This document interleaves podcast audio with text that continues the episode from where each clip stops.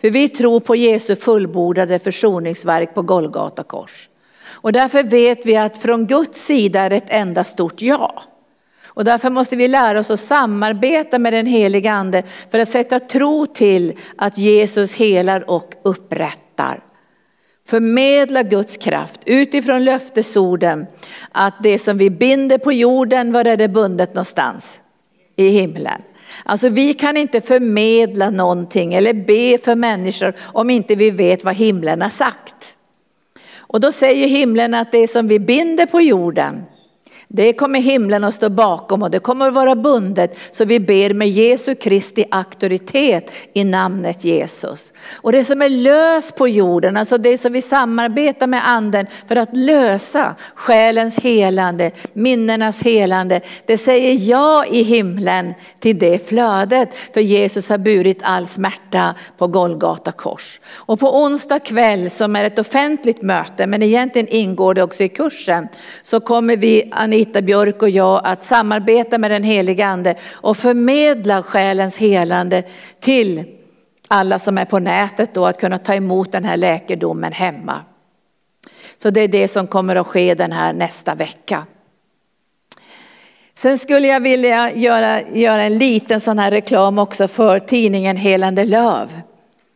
Jag berättade i onsdags att den här tidningen är ju ett jubileumsnummer nu och det är dubbelnummer för vi firar 30 års jubileum. Så det här numret, om du bara köper det här numret så kostar det 89 kronor. Men det är väldigt bra att kunna prenumerera också så du får fyra nummer per år. Och nu håller vi på med nästa nummer som kommer ut någon gång i maj-juni månad.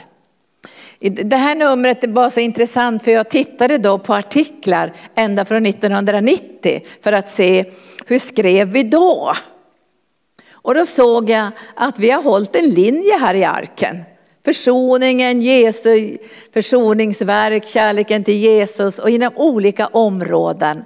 Och i det här numret så har vi skrivit två artiklar som handlar om sekter. Vi känner att det är ett viktigt område nu när vi går in i den yttersta tiden. Och sen tog jag också med en, eh, eller en intervju från, jag på säga 1883, men det var 1983.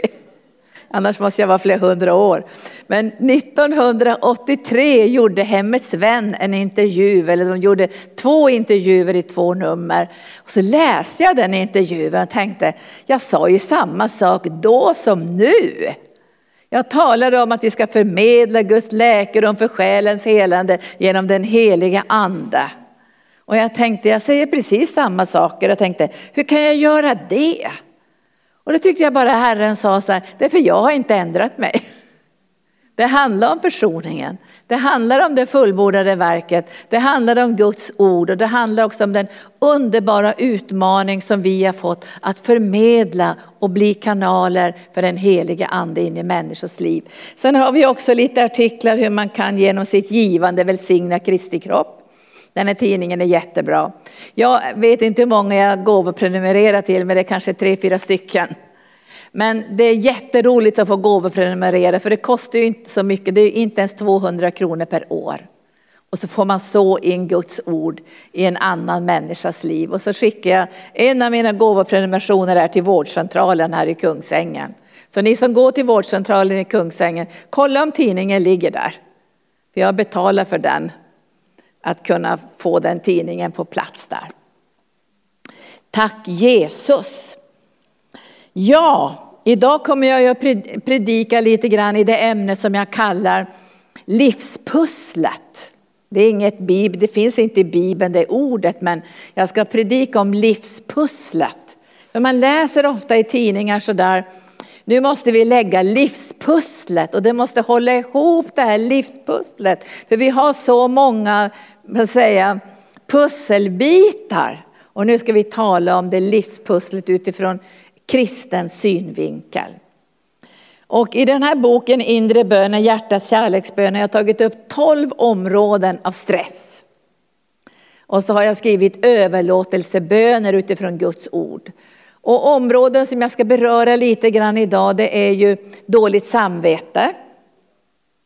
Och det är eh, kan man ta mera kontrollbehov, sådana här saker som gör att det blir jobbigt att få ihop det här livspusslet. Nu säger jag livspussel med stort L. Vi ska titta på det också. Men innan vi går in i Guds ordet så ska jag be, be en kort bön också om ett ökat givande och en kanal från Guds hjärta till ett ökat givande. Och i onsdag så var det Helena Spring som talade för kollekten och jag tyckte det var så jätte, jättebra. Hon sa någonting som liksom var en ny infallsvinkel. Hon sa varje gång vi ger så förkunnar vi. Det är en förkunnelse. Vi säger någonting med vårt givande, vad som är viktigt. Därför det står ju i Bibeln att när vi tar nattvarden så förkunnar vi Jesu död till dess han kommer. Visst är det starkt det? Alltså när vi tar nattvarden så förkunnar vi någonting. Alltså vi förkunnar hans död och hans uppståndelse med en förväntan på att han ska komma på himmelens skyar. Och varje gång vi ger så talar vi om för varandra och för Jesus att vi tycker att han är viktig. Eller hur? Vi säger ju någonting. Och pastor Gunnar nämnde häromdagen när han hade blivit så vred när han var präst här. Han var så sur. Har ni hört den storyn? Var den lite olika infallsvinklar. Men när han var präst här så satt han i sakristian och räknade kollektan. Och så blev han så sur. jag tror att det var 1,50 i kollekt. Så han sa, vad är det här? Vilket dåligt givande. Och han blev så sur så han bara lät de där slantarna bara falla på det där stenbordet. Och så sa Gud så här, vad gav du? Då hade han blivit så sur över kollekten så han hade glömt att ge själv. Och från den dagen höjdes statistiken i Kungsängens kyrka så länge som han jobbade där. Vi säger någonting med vårt givande och jag tror att när Helena höll sitt kollekta så sa hon, jag ska läsa den texten för den är så otroligt viktig och gripande. Och det är det när, när Paulus skriver till Timoteus det första brevet. Så skriver han i kapitel 3. Så det är fint det här. Alltså, Paulus skriver till sin unga medarbetare som heter Timoteus. Och i det tredje kapitlet i det första brevet så skriver han i den, i den fjortonde versen till honom. Så säger han så här till Timoteus. Detta skriver jag till dig i hopp om att snart kunna komma till dig. Men om jag dröjer vill jag att du ska veta hur man bör bete sig i Guds hus, som är den levande Gudens församling, sanningens pelare och grundval. Om inte församlingen finns så finns det inget beskydd eller stöd för sanningen. Därför att församlingen är sanningens pelare. Alltså församlingen upprätthåller sanningen i den här världen. Vad säger ni om det? Alltså församling, det måste ju finnas någonstans där man upprätthåller sanningen. Där är församlingen. Därför får inte församlingen vackla. Under denna tidsålders press, till och med under ogudaktiga lagar. Med mänskliga tankar och därför säger ju Bibeln så här, anpassa er inte efter världen, utan anpassa er efter mitt ord. Så församlingen är stödjepelare och grundfäste. Alltså det är inte bara att vi kastas hit och dit på vågorna. Och det är därför som det är så viktigt för oss att vi förkunnar. Och sen säger Paulus här, Timoteus, du får inte glömma vem som är gudsfruktans hemlighet. 16 versen säger han, och erkänt stor är gudsfruktans hemlighet. Vem är gudsfruktans hemlighet? Vad är gudsfruktans hemlighet? Det är Jesus. Så säger Paulus, han Jesus blev uppenbarad i köttet, bevisas rättfärdig genom anden, sedd av änglarna, predikad bland folken, trodd i världen, upptagen i himmelen. Det är Jesus som är sanningen. Det är han som är vägen och det är han som är livet. Och det här behöver beröra våra hjärtan så att vi kan förkunna. Vad är det som är viktigt? Jag tror man, man talar om med sina pengar, vad är det som är viktigt, eller hur? Det händer något. Jag tror inte att det har att göra med att man måste vara miljonär och ge jättemycket pengar. Utan det hör ihop med våra hjärtan. Vi förkunnar. Och idag ska vi förkunna tillsammans med dig som ser mig nu på nätet. Tillsammans med dig som är församlingsmedlem, distansmedlem, partner, vän eller bara gäst idag. Idag ska vi förkunna att Jesus tjänst behövs i den här världen. För när vi förkunnar med vårt givande så förkunnar vi att Jesus är viktig. Han är enda vägen till Gud. Han är vägen till frälsning. Genom honom får människor försoning, del i det eviga livet. Det förkunnar vi idag med vårt givande. Visst är det härligt? Du kan förkunna. Tala om någonting i hela andevärlden. Jag tror inte man kan förkunna med en byxknapp. Man kan knäppa till en byxknapp om man vill i kollekthinken. Men jag tror vi behöver förkunna någonting. Och nu när du ger idag via Swish eller via bankterminalen eller via troslöfte så ska du säga så här till Gud, idag tänker jag förkunna med mitt givande att du är viktig. Och får inte människor del av försoningens för, kunskap om försoningen går de ju evigt förlorade, eller hur? Så idag kan du förkunna. Berätta för Jesus, jag tycker du är viktig. Jag tycker du är jätteviktig.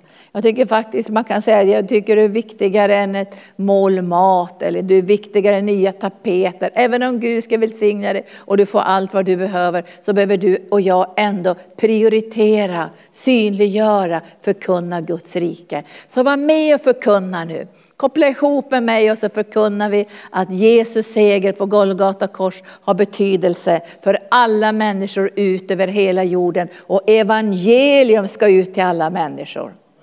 Evangelium är ju gratis men kanalerna kostar. Nu håller vi på att um, översätta den här senaste boken som jag nämnde, Inre bönen, till engelska, ryska och hebreiska. Det kostar en del faktiskt. Man tänker inte på det, men det kostar faktiskt ganska mycket att göra sådana här översättningar och trycka de här böckerna. Men frukten att få se människor komma till inre vila i en kärleksrelation med Jesus, det är värt. Så jag tackar dig nu Gud för alla underbara syskon som vill förkunna idag tillsammans med mig och tillsammans med oss alla som är här idag, den här lilla gruppen. Men vi är här, vi är starka, vi är överlåtna. Vi har lagt ner våra liv för dig Jesus. Och vi vill fortsätta att förkunna. Både med våra gåvor, med vår tid, med vår överlåtelse och med vårt givande. Så förkunnar vi idag att du är så viktig Jesus. Utan dig går världen förlorad. Utan dig finns det ingen frälsning. Och vi ber att vi ska förkunna starkt så hela andevärlden ska få se och höra att vi prioriterar ditt rike. Det som ligger på ditt hjärta, det ligger också på våra hjärtan. Och nu ber jag dig helige Ande om en ande av givande, en ande av förkunnelse, en ande av medvetenhet, en ande av växt och mognad. För du har sagt här att den rättfärdiges väg är som gryningens ljus och vi går från klarhet till klarhet. Och jag ber dig helige Ande att mina syskon idag ska se hur viktiga de är i byggandet av ditt rike i den här världen. I Jesu namn. Amen. Tack Jesus. Halleluja. Känns det bra? Det känns bra va? Jag vet inte, har vi ingen bankterminal idag, men då får ni väl ge via Swish. Ni har ju telefonerna. Annars kan ni ta ett troslöfte och så skriver ni där vad ni vill ge och så lägger vi troslöftet i kollekthinken. Och så förkunnar vi starkt idag med frimodighet. Så kom nu heliga Ande och så talar du genom förkunnelsen idag. Jag överlåter mig till dig Herre och jag ber att du ska tala till mig och du ska tala till alla som ser och hör mig nu. Så vill jag det heliga Ande att du öppnar ordet så att vi ser och förstår att det är du Herre som ska lägga livspusslet i våra liv och därför gör vi en överlåtelse. En överlåtelse som är fylld med tro. En överlåtelse som är utan fruktan. Därför när vi överlåter oss till dig Jesus så överlåter vi oss i enlighet med dina löften och vi lägger oss i din hand och där får vi frid. För du har sagt att vi ska göra alla våra önskningar kunniga med åkallan, bön och tacksägelse. Då ska din frid som övergår allt förstånd bevara våra hjärtan och våra tankar i Kristus Jesus i Kristus Jesus. Så kom heliga Ande och verka frid i våra liv den här dagen. För du har inte gett oss den frid som världen ger, du har gett oss en frid som kommer ifrån himlen, som är en Andens verk i våra liv. Så kom nu heliga Ande, för oss till viloplatsen. För du har sagt Herre, kom till mig, ni alla som bär på bördor, ska jag ge er vila. Ta på er mitt ok och lär av mig. Och vi tänker lära av dig Jesus, för du är mild och ödmjuk i hjärtat. I Jesu Kristi Nazarens namn. Amen. Halleluja. Då ska vi börja säga så här, livspusslet.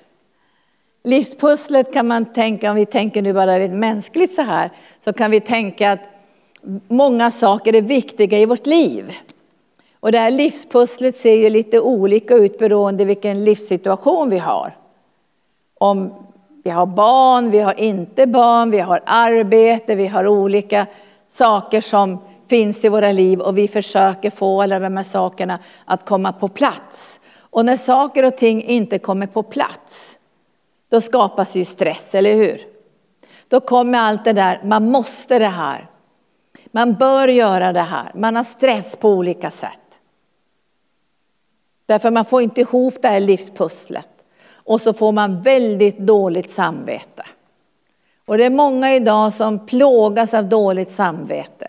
De känner så här, det här borde jag haft tid med, det här borde jag ha gjort, det här måste jag göra. Och så plågas man och så känner man att hur man än försöker lägga det här livspusslet så kommer inte bitarna på plats så säger man, jag har inte tid för det här, jag har inte tid för det där, det är bara jobbigt, jag stressar, springer runt i ekorrhjulet eller hamsterhjulet. Och det vill ju inte du, eller hur? Du vill ju inte springa runt i hamsterhjulet. Utan, utan du vill ju komma in i Guds vilja för ditt liv. Och det första man måste göra i sånt här läge, eller det borde man ha gjort när man var ung, det är att överlåta sitt livspussel till Gud och säga, du får lägga bitarna på rätt plats. Du får visa Herre hur jag ska prioritera och vad som är viktigt utifrån din synvinkel. Eller hur? Bara den överlåtelsen gör ju att man får en viss vila på insidan. Jag överlåter mitt liv till Gud. Och det här gör ju vi när vi praktiserar inre bönen som vi har övat här på arken. Som vi har övat i bibelskolan och många, många ställen i Sverige och Norden. Så gör vi en överlåtelse till Gud varje dag. För att påminna oss själva. Det är mer att påminna oss själva. Min kropp tillhör Herren, min själ tillhör Herren, min ande tillhör Herren. Jag gör en överlåtelse och det är liksom en kärleksförklaring. Eller hur? Alltså det är en kärleksförklaring till Gud.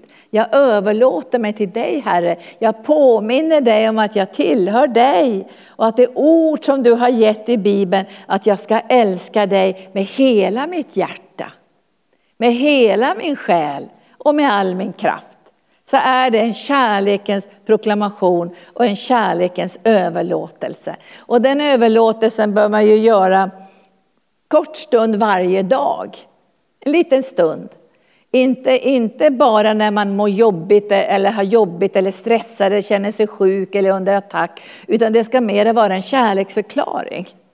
Då blir det en, en styrka sen när man behöver göra en djupare överlåtelse när man kanske känner stress eller oro och bekymmer och man fått höra att man har fått en sjukdom eller så, då har man tränat sin kropp, själ och ande till överlåtelse. Och då kan det vara lättare att göra en överlåtelse tillsammans med Guds ord i en tacksägelse. Tack Herre att jag får göra min överlåtelse till dig idag med en proklamation att det är genom dina sår jag har fått läkedom. Och jag tackar dig Herre för att din helande kraft strömmar igenom min kropp just nu. Och då har man ju övat sin kropp tidigare att vara ett lydigt instrument för Herren. Så det, det här med att överlåta sig ska vara en kärleksförklaring. Tack Jesus att du älskar mig och jag älskar dig. Nu ska vi titta på lite prioriteringar. För om Jesus får lägga vårt livspussel så måste han berätta för dig och mig vilken är den viktigaste pusselbiten. Vilken är den viktigaste pusselbiten? Är jag den viktigaste pusselbiten så allt runt omkring mig kommer att handla om mig. Mina hobbys, mina, mina önskningar, min familj, mina semesterdagar eller, eller min motion eller någonting. Jag har ju sett en del sådana här livspussel som har lagts via vård och omsorg. Så handlar det om att du ska må bra. Och jag tror att Gud vill att du ska må bra. Men vi måste också se hur ser de här prioriteringarna ut från Guds synvinkel. Och då ska vi börja med den allra viktigaste pusselbiten som måste ligga i centrum av ditt och mitt liv. Och den pusselbiten heter Jesus. Den heter Jesus. Och utifrån Jesus måste allt det andra samordnas. För han är ju grundstenen, eller hur? Han är riktstenen, allting riktas efter Jesus. Och han är den, ska säga, den sammanhållande stenen som håller ihop ditt och mitt liv. Utan att han håller ihop ditt och mitt liv, då går vi sönder. Vi hamnar i det som kallas för utbrändhet, vi kallar, kam, kommer in i det som kallas utmattning. Och, och, jag tror inte att det här är bara något som människor som inte känner Jesus, utan jag tror det här utmattning kan attackera även de troende. Därför att man har liksom börjat i fel ände. Vi talar nu bröder, ni kommer lite, lite senare här, vi talar om livspusslet. Om att göra en överlåtelse till Gud. Och att rikta sitt liv efter den viktigaste pusselbiten som heter Jesus. Alltså han är centrum av vårt liv. Allting ska riktas efter honom, det ska byggas efter honom. Han är grunden, han är den sammanhållande kraften i ditt och mitt liv. Utan det så går det förr eller senare sönder. Och han är också, ska jag säga, slutstenen. Alltså det som kommer, kommer in, han är slutstenen så att när bygget, vårt liv, alltså börjar bli synliggjort så är det han som är den här slutstenen. Som får också äran för allting som har gjorts genom dig och mig i det här livet. Han är, så att säga, centrum. Och nu ska vi titta och se så här, är det sant det här att han ska vara centrum? Och nu kan vi inte stå så jättemånga bibelställen idag, men jag tänkte vi kan i alla fall börja med Ordspråksboken 4. Vad som är viktigt. Eller vad som är nödvändigt och vad som är allra viktigast. Allra viktigast. När vi pratar med medarbetare här och när vi pratar om alla möjliga saker vi gör i arken. För vi arbetar i 15 länder, något sånt där. Massor med projekt. Vi har många grenar här i arken. Skola och förskola och retreatcenter och bibelskola och helande center så måste man fråga sig, vad är det viktigaste då? Nu har vi varit pastorer här i över 30 år. Och jag sänder en signal till den unga generationen som ska bära arken framåt, kanske om 30, 40, 50 år. Vad är det viktigaste? Vad är hjärtat i arkens liv? Vad är det som gör det för Gud möjligt för honom att fullborda och genomföra det han har på sitt hjärta? Vem är sabbatsens herre? Vem är sabbatens herre? Det är Jesus som är sabbatens herre. Så själva sabbatsgudstjänsten, när man säger söndagens gudstjänst, är själva hjärtat för att alla grenar i arken ska få syra från himlen. Det är här vi sammanfogas. Inte bara som enskilda individer, men som kropp som, som delar i den här kroppen. Det olika funktioner sammanfogas i kroppen att lyda och älska huvudet. Alltså är det söndagsgudstjänsten när vi kommer samman för att älska Jesus. Vi är inte här idag bara för att vi ska bli mättade själva. Vi är här för att mätta Jesus. Vi är här för att älska Jesus. Vi är här för att upphöja Jesus. Det är för att tala om för Jesus att vi är en församling som kan utvidga oss och ta emot mer från Gud. Vi är en församling som talar om för Herren, utan dig kan vi ingenting göra, men med dig kan vi göra allt. Vi är här för att dricka av hans ande. Vi är här för att höra hans ord. Vi är här för att betjänas av Gud. När vi har seminarier här på Arken så är det många olika infallsvinklar. Det kan vara befrielse, det kan vara förbundstjänst, det kan vara alla möjliga ämnen. Men i gudstjänsten är det församlingens kärleksförklaring till Gud. Och därför säger Herren i Ordspråksboken 4, det här är jätteviktigt, framför allt, framför allt, framför allt, framför allt Därför att det kan vara så att man måste hugga av grenar, eller hur? Om inte hjärtat orkar pumpa blodet så kommer grenarna att falla av eller förtvina. Visst är det så? För hjärtat måste pumpa blodet. Och jag läste en gång om hur människor dog när de förfrös sig. Alltså när man, om man håller på att förfrysa sig, om man är ute i vildmarken, då kommer hjärnan att bestämma vad blodet ska pumpa. Så, så kroppen stänger av armar och ben. Och sen låter den blodet pumpa på de viktiga organen som upprätthåller kroppen, alltså hjärtat och hjärnan. Framför allt, framför allt, framför allt. Nu talar, det är det gamla testamentet. Men det, det hör ihop med Nya Testamentet, Ordspråksboken 4. Så säger han så här, och i 20 versen. Ta vara på vad jag säger, vänd ditt öra till mina ord. Låt dem inte vika från din blick. Bevara dem i ditt hjärtas djup. För de är liv för den som finner dem och en läkedom för hela hans kropp. Och sen säger han i vers 23, men allt som skall bevaras, mer än allt som skall bevaras, mer än allt som skall bevaras. Det betyder inte att, att saker inte är viktiga att bevara, men mer än allt som ska bevaras, alltså det viktigaste, det som är själva centrum, mer än allt som skall bevaras är det hjärtat. För därifrån utgår livet. Framför allt som skall bevaras är det hjärtat.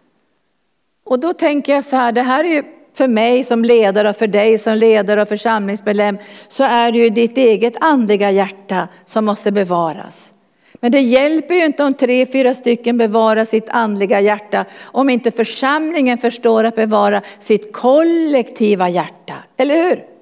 Framför allt som ska bevaras. Och är det någonting som vi ropar till Gud att kunna bevara på den här platsen så är det Guds härlighet, Guds närvaro. Och varför det? Jo, det är vår vision. Eller hur? Herren har sagt, på den här platsen ska jag uppenbara min härlighet. Och, och bevarar vi inte hjärtat så får vi in det ena och det andra. Det grumlas, det skadas, det förorenas. Därför är det från hjärtat som livet utgår. In i alla kanaler, ända till Filippinerna, ända till Kambodja, ända till Afrika där vi har arbeten. Flödar det från hjärtat här i arken. Och därför för allt som ska bevaras. Som jag som pastor skulle säga, vad måste jag bevara framför allt? Är det skola, förskola, är det missionsarbete, är det bibelskolan? Nej, det är jätteviktigt. Jag vakar över det med mycket bön. Men det som framför allt måste bevaras, det är sabbatens gudstjänster. Där vi gör vår överlåtelse och vår kärleksförklaring till Jesus. Därför det är honom vi följer, det är honom vi älskar, det är honom som vi tjänar. Framför allt som ska bevaras. Och därför måste man, om man nu tänker på livspusslet, hemma med familjen och med barnen och allt det här. Så måste man sen barnen är små säga, det är till kyrkan vi går på söndag. Barnen sitter inte och bestämmer när de är tio år, vill du vara hemma och spela tv-spel eller ska vi gå till kyrkan? Det är till kyrkan vi går. Och det här i gamla testamentet var så viktigt, du ska, du ska förkunna det här för barnen i alla generationer. Sätt upp det på dörrposterna. Och de här radikala så att säga, judarna i Israel har ju till och med Bibeln på pannan, har ni sett det? En liten, liten sån här som en minibibel på pannan. Glöm inte ordet, framför allt som ska bevaras är det ditt hjärta. Och vem bor i våra hjärtan? Det är Jesus som bor i våra hjärtan. Därför är han centrum av vårt livspussel och allt måste så att säga byggas efter hans kärlek till honom och efter hans vilja. Nu ska, vi, nu ska vi ta några bibelställen till och titta på det här så att man ser, då kommer det här att bli rätt. Då kommer det här att fungera. Och jag ska, ska läsa nu från Matteus evangelium kapitel 6. Jag tror inte jag förstod det här så mycket när jag var ung. Det var liksom, det var liksom, jag förstod det många år senare vad hans rättfärdighet betydde. Men jag förstod ju sen också att jag måste söka hans rättfärdighet och inte min egen rättfärdighet. För då kommer vi ju in i lagiskhet, eller hur? Om jag måste söka människors godkännande, då blir man pressad, eller hur? Då kommer du alltid anklagas. Du har inte gjort nog, du kan inte nog och du har inte, du har inte klarat av nog och du har inte, ja, det här borde du göra och alla de här kraven. Därför att du söker din eget godkännande. Har jag godkänt mig själv? Alltså när du har ett livspussel där du måste godkänna dig själv, då kommer du att stressa ihjäl dig. För du kommer alltid jämföra dig med andra. Jag kommer ihåg, jag hade en kompis när jag bodde i Göteborg som var väldigt noggrann. Väldigt noggrann, hon bäddade sängen och hade noggrann, allt var snyggt. Va? Och jag hade en annan kompis också som dammsög varje kväll. Det ska vara snyggt, allt ska vara perfekt. Och så var det en av mina kompisar som sa, nu ska vi gå hem till en annan tjej som jag känner och du ska få se vad ostädat hon har. Fruktansvärt ostädat. Och vi var där och, hos henne och så skulle hon visa mig den här kompisen som var kritisk då. Så kom vi in i ett rum där det var verkligen ostädat. Och sa, har du kollat vad ostädat hon har? Och så såg inte min kompis att den här tjejen stod en bit därifrån och hörde allt det där. Ja, jag skämdes så fruktansvärt. Och jag kunde inte säga någonting heller för jag var inget bra på att städa. Så jag tänkte, det är så konstigt, då teg jag liksom. Så, ja, jag tänker inte kritisera någon för att de inte städar och har tre ungar. Jag hade disken inte upp till taket men det var inte lätt i alla fall. Att hålla en sån jätteordning. Men jag kände att jag ska göra det utan dåligt samvete, utan jämförelse. För om du ska ha alla pusselbitar lika stora för att söka din egen rättfärdighet eller människors godkännande, då kan jag lova dig att du kommer inte kunna känna Gud, du kommer bli utbränd. Fullständigt utbränd. Därför är det Jesus som bestämmer tillsammans med dig vilka bitar som är viktiga och vilka som inte är särskilt viktiga och vad som är nödvändigt och vad som måste vara först. Visst är det bra det här? Visst önskar vi att många saker ska ligga på plats men alla pusselbitar är faktiskt inte lika stora. Den största pusselbiten heter Jesus och din andliga kärleksrelation med honom. Och då säger ju Jesus så här, det här ordet fick jag faktiskt när jag vigdes till diakonissa av biskopen faktiskt. Jag förstod inte riktigt vad det var för ord. Men det handlar ju om bekymmer i alla fall i Matteus evangelium kapitel 6. Där, där han säger att bekymrar inte för ert liv. Alltså många pusselbitar i ditt och mitt liv handlar om vårt liv. Ekonomi, bostäder, kläder, alla möjliga sådana här äh, saker. Så tar de en väldigt stor plats. Och det, det, kan man ju se i Bibeln också att de tog för stor plats i mångas liv. Därför att när Jesus, när, när Fadern kallar på människor att komma till Jesu fest eller bröllopsfest. Kommer ni ihåg ursäkterna då? Det var jättestora pusselbitar. Ta emot min ursäkt, jag kan inte komma för jag har skaffat mig ett företag. Och jag måste gå och fixa och titta på, det här, på de här djuren som jag har. Det var oxar som man hade i det här företaget. Och sa så här, ta emot min ursäkt för jag kan inte komma för jag har skaffat mig ett hus. Så kan jag inte komma, jag måste fixa de där grejerna. Och tredje personen sa, ta emot min ursäkt, jag kan inte komma för jag har gift mig. Det här är viktiga pusselbitar, men de är inte större än pusselbiten kärleken till Jesus. Eller vad säger ni? Därför säger Jesus så här, Bekymra er inte för ert liv, vad ni ska äta eller dricka eller för er kropp, vad ni ska klä er med. Är inte livet mer än maten och kroppen mer än kläderna? Se på himlens fåglar. De sår inte, de skördar inte och samlar inte i lador och ändå föder er himmelske far dem. Är ni inte värda mycket mer än dem? Vem av er kan med sitt bekymmer lägga en aln till sin livslängd? Hur mycket är en aln? Är det härifrån till armbågen kanske så här? Det är inte mycket va? Om du skulle kunna lägga till några år med lite bekymmer, då skulle jag bekymra mig. Men jag tror att jag kommer att dra ifrån år till mitt liv med bekymmer. För bekymmer, vi är inte skapade för bekymmer. Vi går sönder av bekymmer. Vi stressas av bekymmer. Och därför säger Jesus så här, jag säger så här, varför bekymrar ni er för kläder? Och så säger han, se på ängens liljor. Och sen säger han, vad lite tro ni har. Bekymra er inte och fråga inte vad ska vi äta, vad ska vi dricka eller vad ska vi klä oss med. Allt detta söker hedningarna efter, men er himmelske far vet vad ni behöver. Och vad står det i vers 33? Nu kommer en viktig pusselbit. Alltså utifrån den här Jesus största pusselbiten. Sök först Guds rika och hans rättfärdighet. Alltså det här måste ju betyda att vi också söker Guds vilja. Ibland hör jag människor säga, jag älskar Jesus men jag vill leva ett världsligt liv. Men det går ju inte.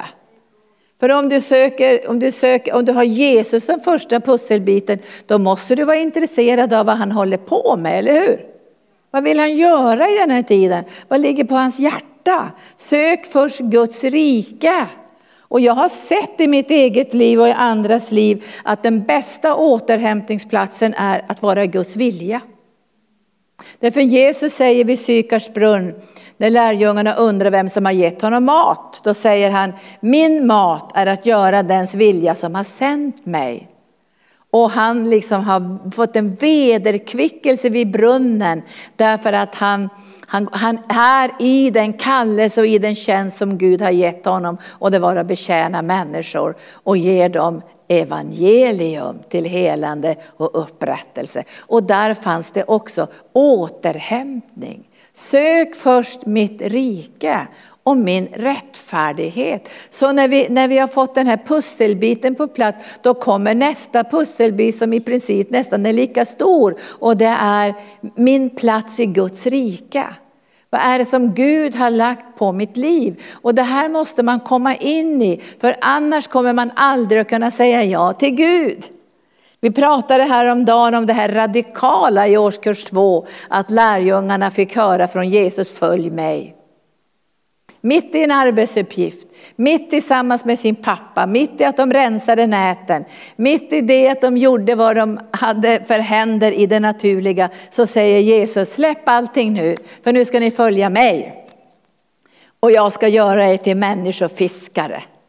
Jag vet inte om du och jag hade sagt ja till ett sånt radikalt uppbrott. Men lärjungen visste i ett ögonblick som Jesus sa de orden att han har omsorg om mig om min familj, min pappa, fiskerinäringen, båten, näten, allting. Så när Jesus säger följ mig så kommer han också bry sig om alla de andra pusselbitarna i mitt liv. Tror ni det? Alltså vi behöver tro det. Vi behöver lita på det, annars kommer vi aldrig våga säga ja till Jesus. Och då måste vi veta idag att det inte bara är höjden av hans kärlek, det är bredden av hans kärlek och det är längden av hans kärlek. Och därför när Gud får lägga ditt livspussel kommer du att märka att vissa bitar är större vissa tider än andra tider. Men de två allra största delarna det är Jesus och hans vilja för ditt och mitt liv. Sen får allt det här andra läggas på plats av honom själv tillsammans med oss. Och då märker man att allt kan inte prioriteras på samma sätt. Man får lägga undan saker. Och jag märker ju, nu har jag ju hållit på att tjäna Gud i snart 50 år. Så man märker ju när åren går och man ska hålla fast vid samma ord. Du ska älska Herren din Gud med hela ditt hjärta, med hela din själ och med all din kraft. Så märker man ju att, att en del pusselbitar blir faktiskt ganska små. De liksom tappar liksom de tappar ett inflytande i ens liv, de tappar liksom kraft i ens liv, de tappar intresse i ens liv. Därför att, att följa Jesus och få del av hans tankar och planer blir viktigare och viktigare när åren går. Och särskilt om man tänker att man har inte så fruktansvärt många år kvar. Då märker man ju att det är många saker som är totalt ointressanta. Alltså det får inte ens ta min tid.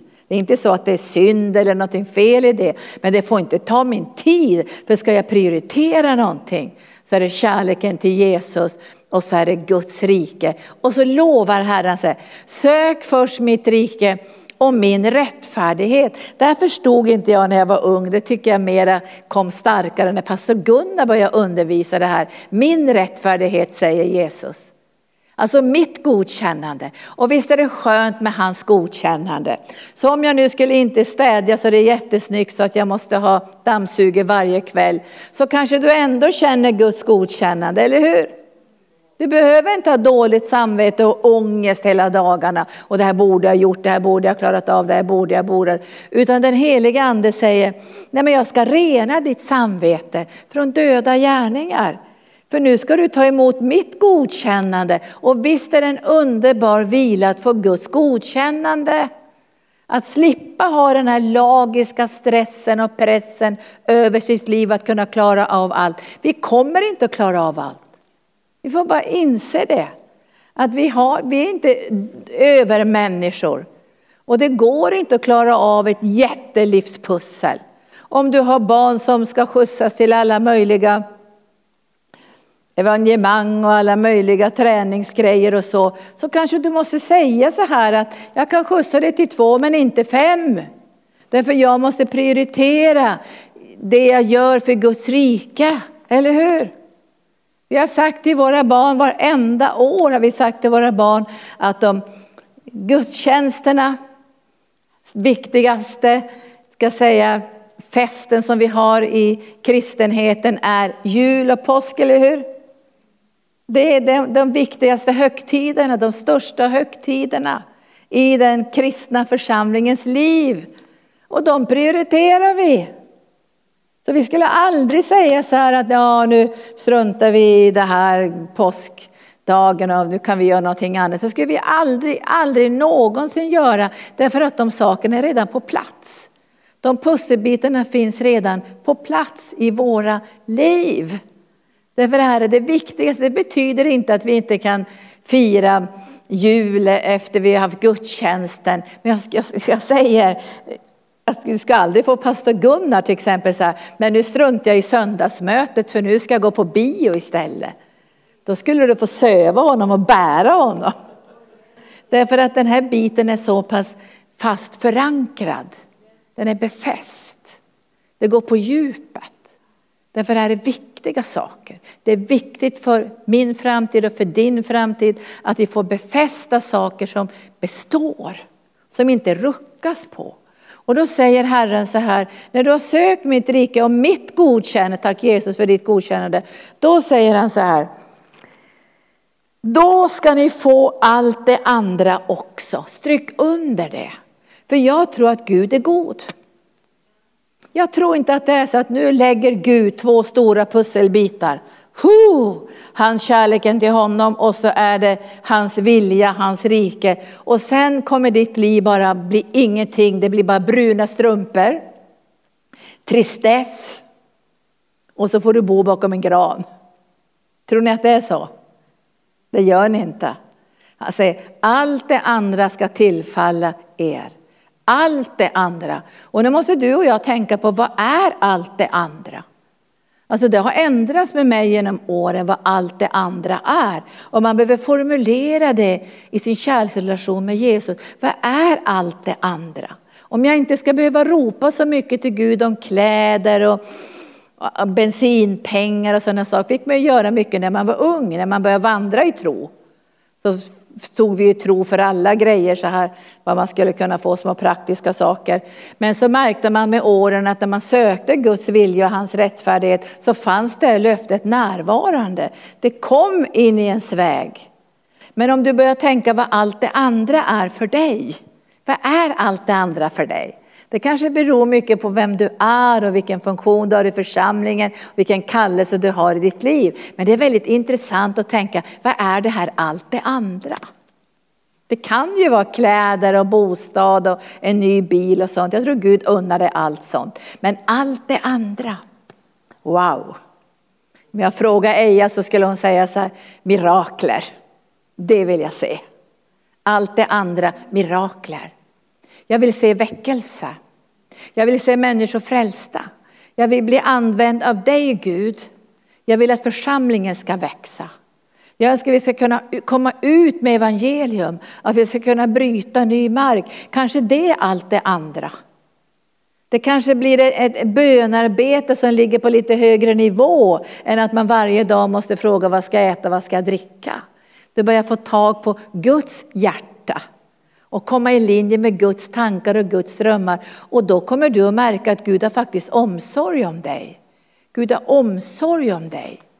Och jag tänkte när jag var ung, för jag kom ju in i det Jesusfolket där man skulle sälja allting. Man skulle göra sig totalt beroende av Gud, man skulle inte ha några egna pengar alls. Utan man skulle leva någon sorts, ja, från, från stund till stund i beroende av Gud. Och jag, jag tänkte, med åren som gick så tänkte jag, ja, jag, har, jag känner inte Gud för att leva från mirakel till mirakel varje dag. Jag skulle vilja börja leva i din välsignelse. Din välsignelse. Och jag tänkte sen på, på mina flickor när jag bad för dem så tänkte jag, hur ska de få till den här ekonomin? Men de har aldrig saknat någonting. Alltså det är så förunderligt det där hur Gud kan välsigna också genom dig och de steg som du har tagit. För det står att jag ska välsigna.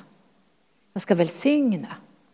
Och genom att du också tar stegen och låter Herren vara först i ditt liv så kommer du också kunna få del av välsignelse som flödar också in i din familj eller i din omgivning eller i församlingen eller det sammanhang som du står i. Sök först Guds rike och hans rättfärdighet så ska allt det andra tillfalla dig. Allt det andra. Alltså jag tror inte att du kommer att sakna någonting. Vad säger du Eja? Eh, eller vad säger du Daniel? Eller vad säger du Oskar?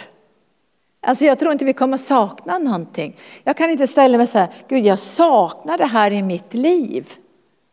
Men om jag skulle vara ärlig så skulle jag säga, ännu ärligare så skulle jag säga, jag saknar ju vissa saker i mitt liv. Om jag skulle få tänka på oss alla, så saknar ju jag mer av Guds kraft, eller hur? Det gör du också. Och när jag ber för Jesus helar och upprättar så ber jag kom helige ande, vi vill se mer av din kraft Gud.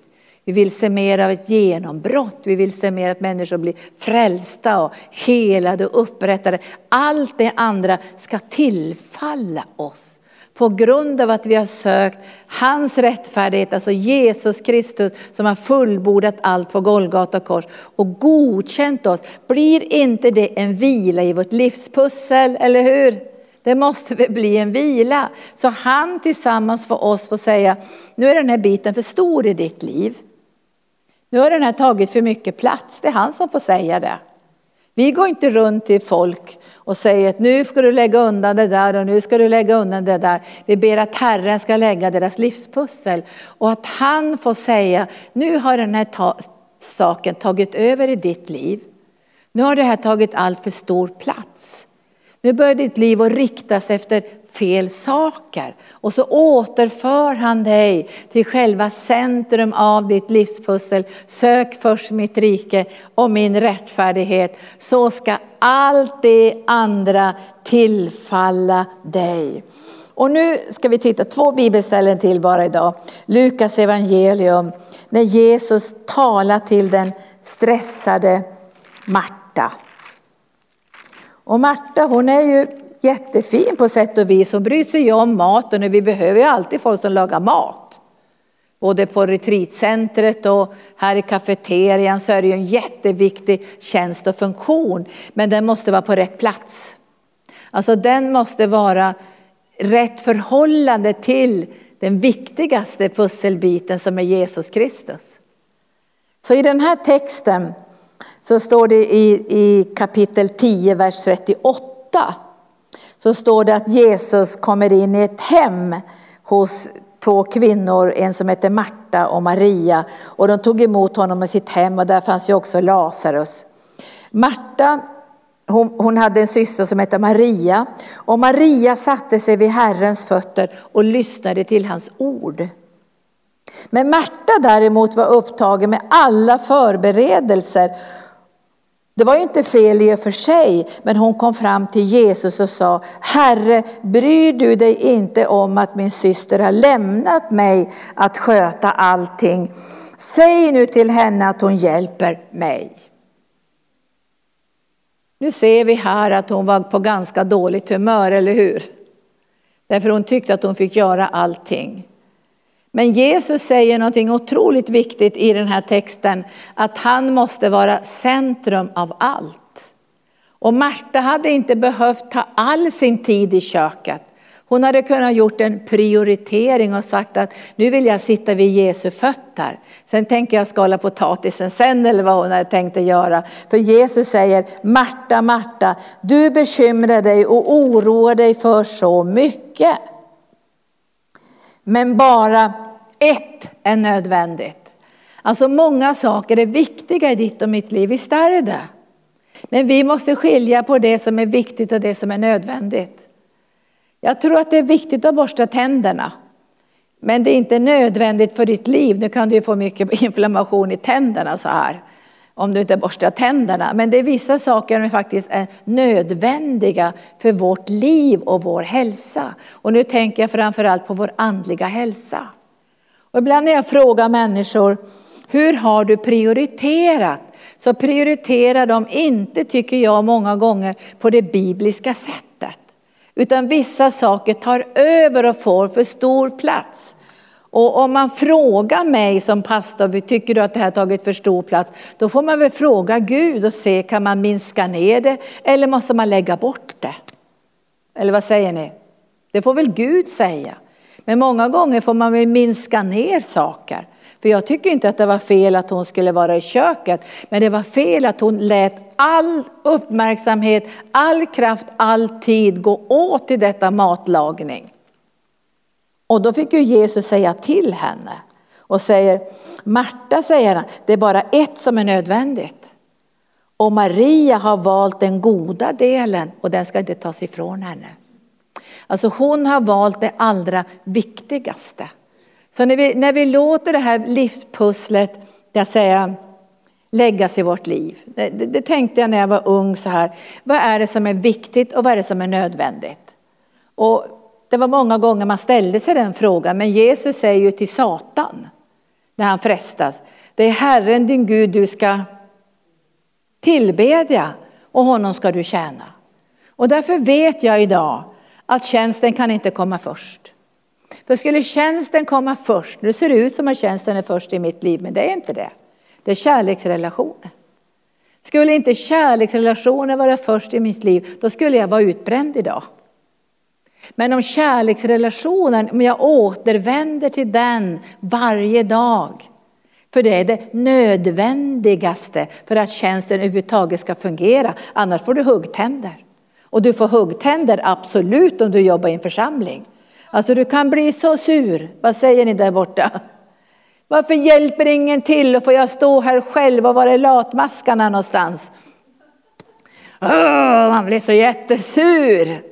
Så du får jättemånga möjligheter att bli på dåligt humör och sur. Därför att det är inte säkert att människor har valt att sitta vid Jesu fötter. De kanske har prioriterat någonting helt annat. Men man måste få en balans i det här. Alltså det är honom jag ska tillbedja. Det måste utgå ifrån en andlig kärleksrelation till Gud. Därför att det är ett som är nödvändigt. Och det är att återhämta sig inför hans ansikte, hämta styrkan hos honom, påminna sig själv varje dag att du har sagt Herre att ingen kan vara din lärjunge om inte vi försakar allt vad vi äger, om vi inte tar vårt kors på oss och följer dig.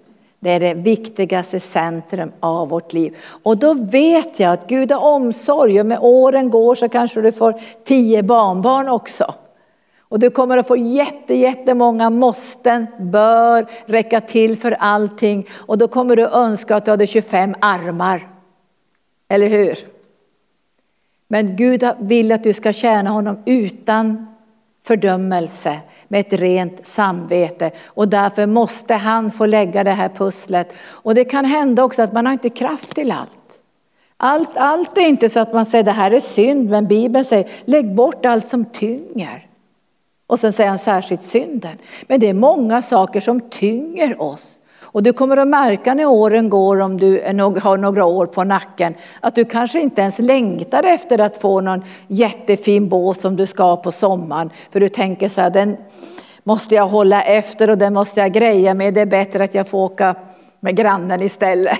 Inte vet jag hur du tänker, men du kommer märka att du, att du börjar prioritera för att känna den kraft jag har och den kraft jag har fått ifrån Gud måste jag prioritera in i Guds rike utifrån Guds ordet. Sök först mitt rike och min rättfärdighet så ska allt det andra tillfalla dig. Och nu kommer jag till det sista bibelstället för den här dagen. Och det står i Hebreerbrevet.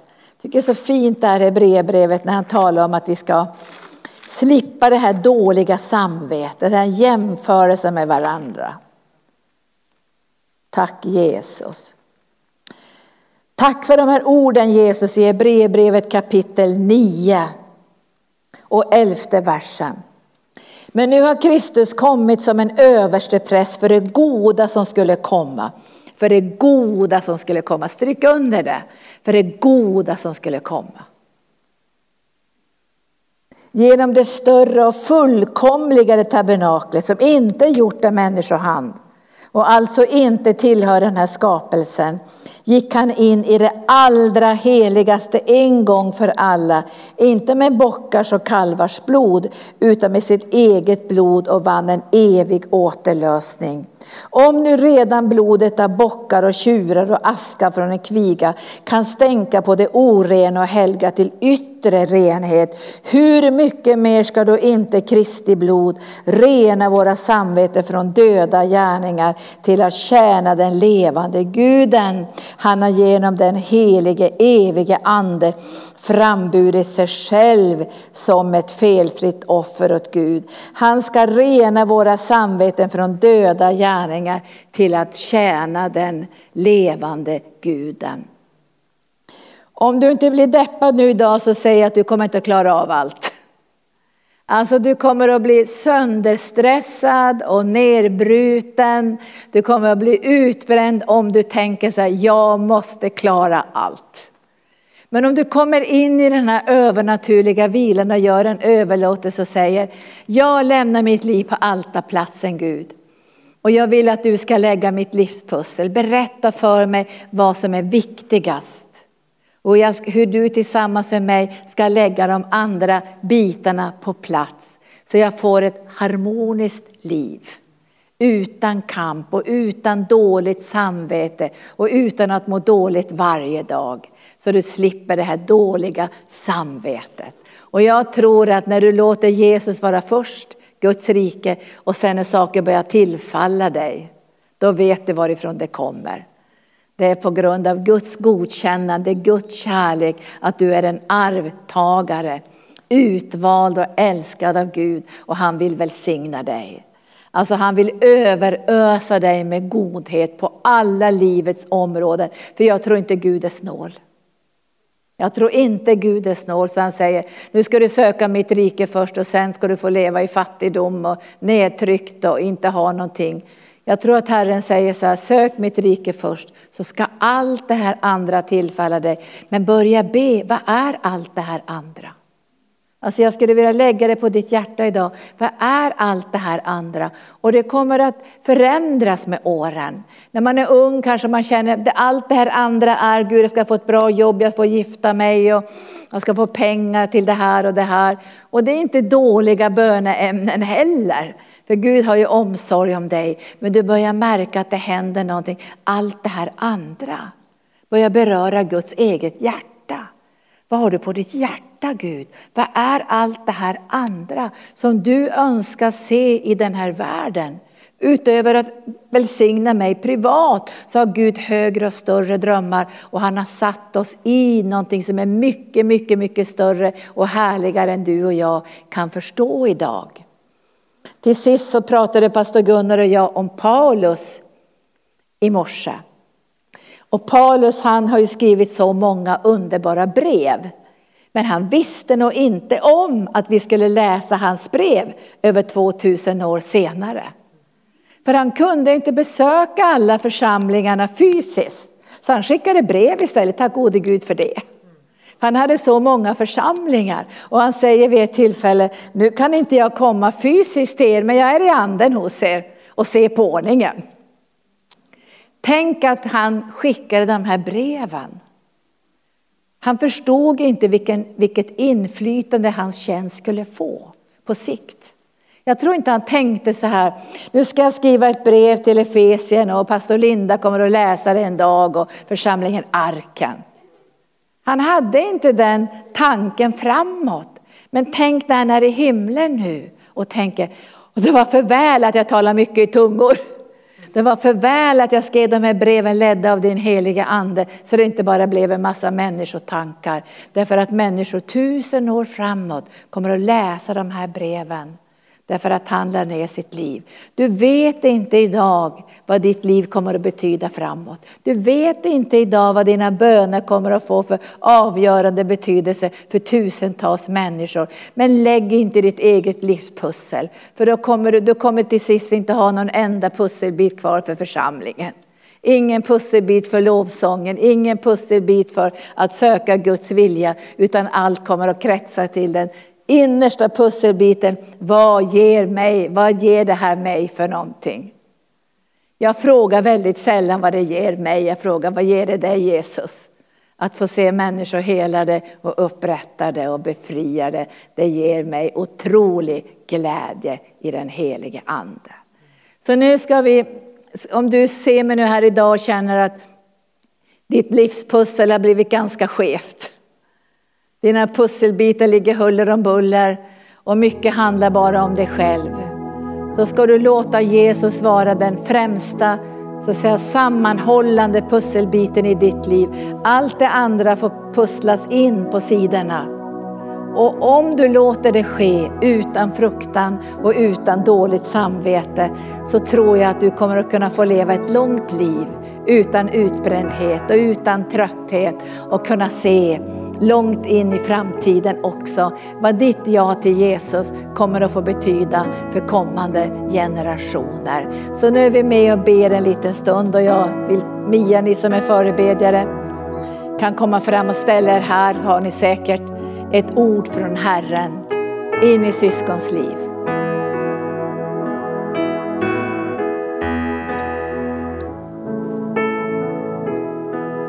Tack Jesus. Åh, vi prisar dig. Du kan börja. Men vi tar lovsång först och mjuka våra hjärtan. Åh, det dyra Jesu blod